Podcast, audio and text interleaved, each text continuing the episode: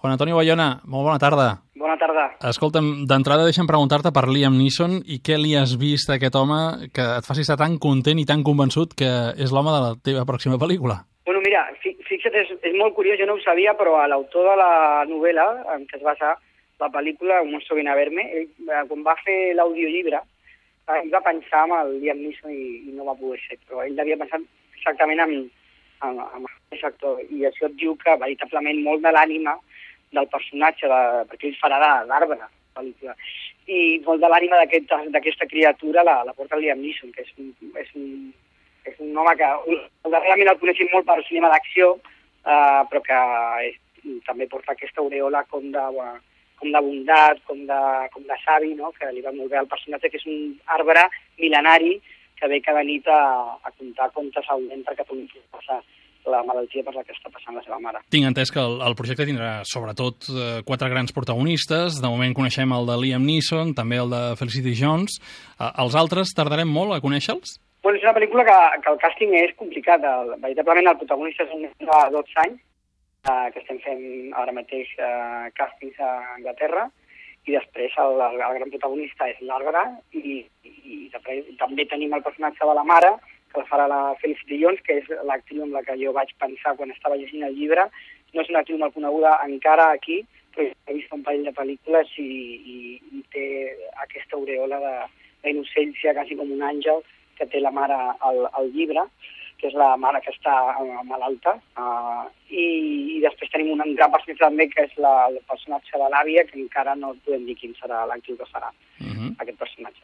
Què és el que més t'està sorprenent d'aquest uh, primer procés uh, de, del projecte? Bueno, és, és un projecte molt complicat. Jo pensava que després d'haver fet lo impossible doncs, uh, seria més fàcil tot, però és una pel·lícula tècnicament molt, molt complexa perquè has de pensar que uh, el coprotagonista de la pel·lícula és un efecte especial, és, és, una, és un senyor en forma d'arbre que, ve, que, que té molt metratge a la pel·lícula, que surt eh, pràcticament a, a, mig de la, a, a quasi la meitat de la pel·lícula. Sigui que és una pel·lícula molt complexa, eh, encara que no és una pel·lícula d'efectes especials, perquè veritablement la història és molt potent, és un drama realista basada en, en, en, en el drama d'aquest nen, és una pel·lícula carregada d'efectes especials i, i que serà molt complexa de realitzar aquí. Mm -hmm. Si és complexa vol dir que estàs aprenent molt, i això és bo, no, també?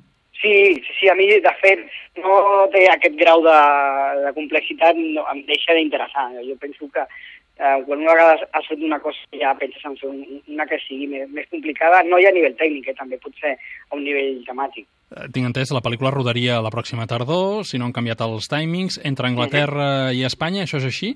Sí, la pel·lícula és una, és una història molt anglesa, molt centrada en, en una zona molt concreta d'Anglaterra, en aquest sentit exteriors els rodarem a, a, a Anglaterra, però jo penso que la major part de, del rodatge, encara no és segur, però la, la major part del rodatge la farem a, a interiors i els farem aquí a Terrassa. Molt bé, escolta'm, saps perfectament que tenim davant també una estrena, perquè evidentment no, no pares, una estrena televisiva mm, de la que evidentment en tenim moltes ganes també de saber-ne coses de, de primera mà. Això serà diumenge.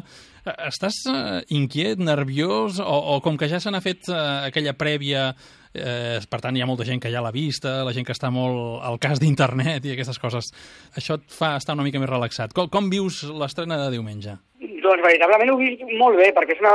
has de pensar que normalment la responsabilitat d'una sèrie sempre recau amb el creador, no? Eh, I en aquest sentit, doncs, ho he viscut tot una miqueta des de, des d'un segon terme, que, que és molt còmode, perquè veritablement eh, l'experiència de fer ha sigut quasi com si fem una pel·lícula, perquè hem rodat dues hores en molt poc temps, amb, un, amb el director de fotografia Xavi Jiménez, que ha fet una fotografia esplèndida eh, amb el mèrit que hem rodat els dos episodis en cinc setmanes, aquestes dues hores, i en aquest sentit ha sigut una experiència molt enriquidora, eh, ens han portat meravellosament amb els sectors, tinc una relació uh, molt bona encara avui en dia amb tots ells. I, i l'estrena l'han viscut molt bé, van fer un passe al South by Southwest Festival fa un mes, va agradar molt i bueno, estan sortint la, les primeres crítiques, són molt bones i després, uh, i això et diu la confiança de la cadena amb la sèrie, uh, als Estats Units han penjat el primer capítol al, al YouTube, la, la gent ho pot veure gratis al YouTube i perquè suposo que és com és, la productora és una cadena de pagament l'han posat perquè la gent s'enganxi a la sèrie, no? Uh -huh. I, i està agradant moltíssim, tots els comentaris que m'arriben són molt bons, o sigui que estic, veritablement estic molt satisfet de, de l'experiència que ha sigut uh, fer televisió, no?, amb aquesta sèrie.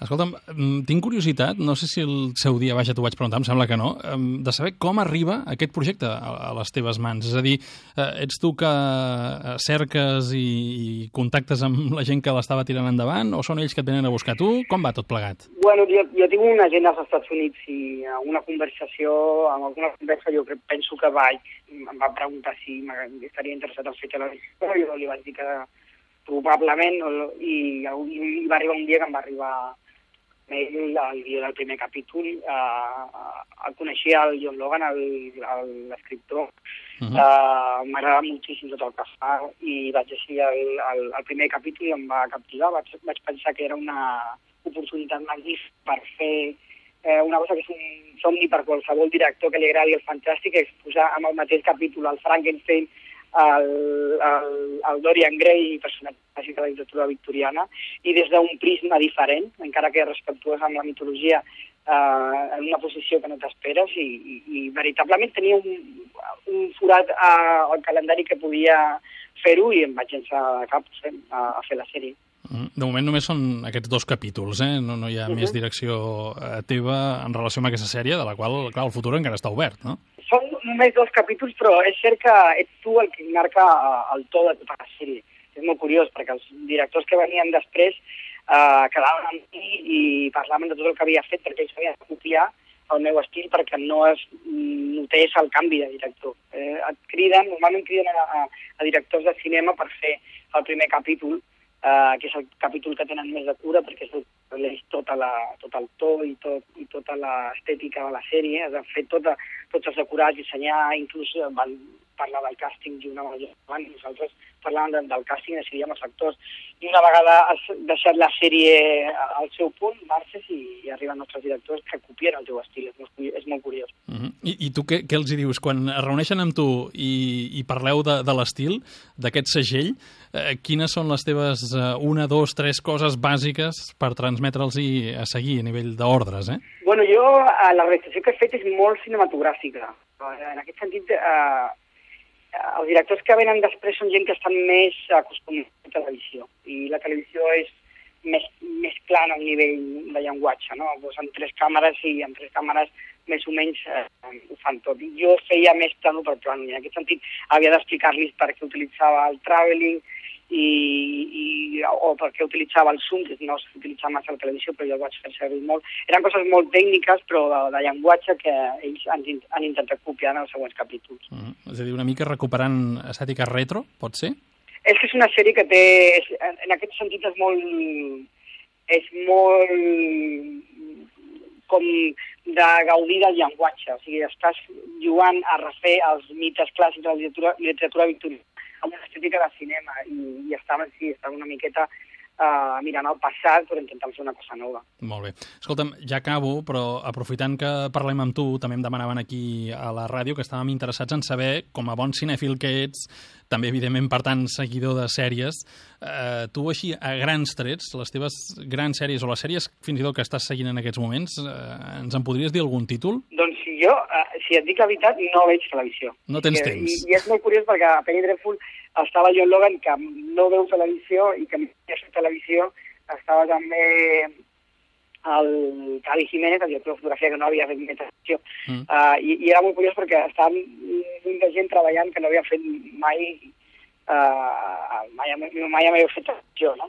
I veig molt poques sèries, puc parlar que veig The Walking Dead i alguna cosa més, però no, no tinc temps de veure sèries, de tindre el temps de posar-me a veure un capítol cada dia. És per una qüestió doncs, de, de temps o perquè prefereixes no intoxicar-te i intentar ser molt fidel al teu propi estil?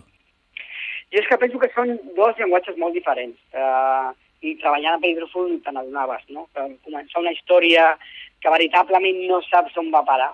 Saps una, tens una idea molt vaga uh, dels personatges i treballes al moment, no? I treballes les reaccions Uh, I més o menys saps com acabarà la temporada. Per tenir una idea, havíem llegit els vuit capítols, però és cert que a mi uh, el llenguatge del cinema eh, em, em, em sembla encara avui en dia molt diferent i és el que m'agrada. En aquest sentit, si tinc temps, aprofito per veure una pel·lícula, no per veure un capítol d'una sèrie. molt bé. Aquest si tinc temps eh, és molt important. Ja. Escolta'm, eh, res, una abraçada, era això el que et volíem preguntar. Gràcies, felicitats, evidentment, per la feina, a seguir endavant i que, que no decaigui. Moltíssimes gràcies.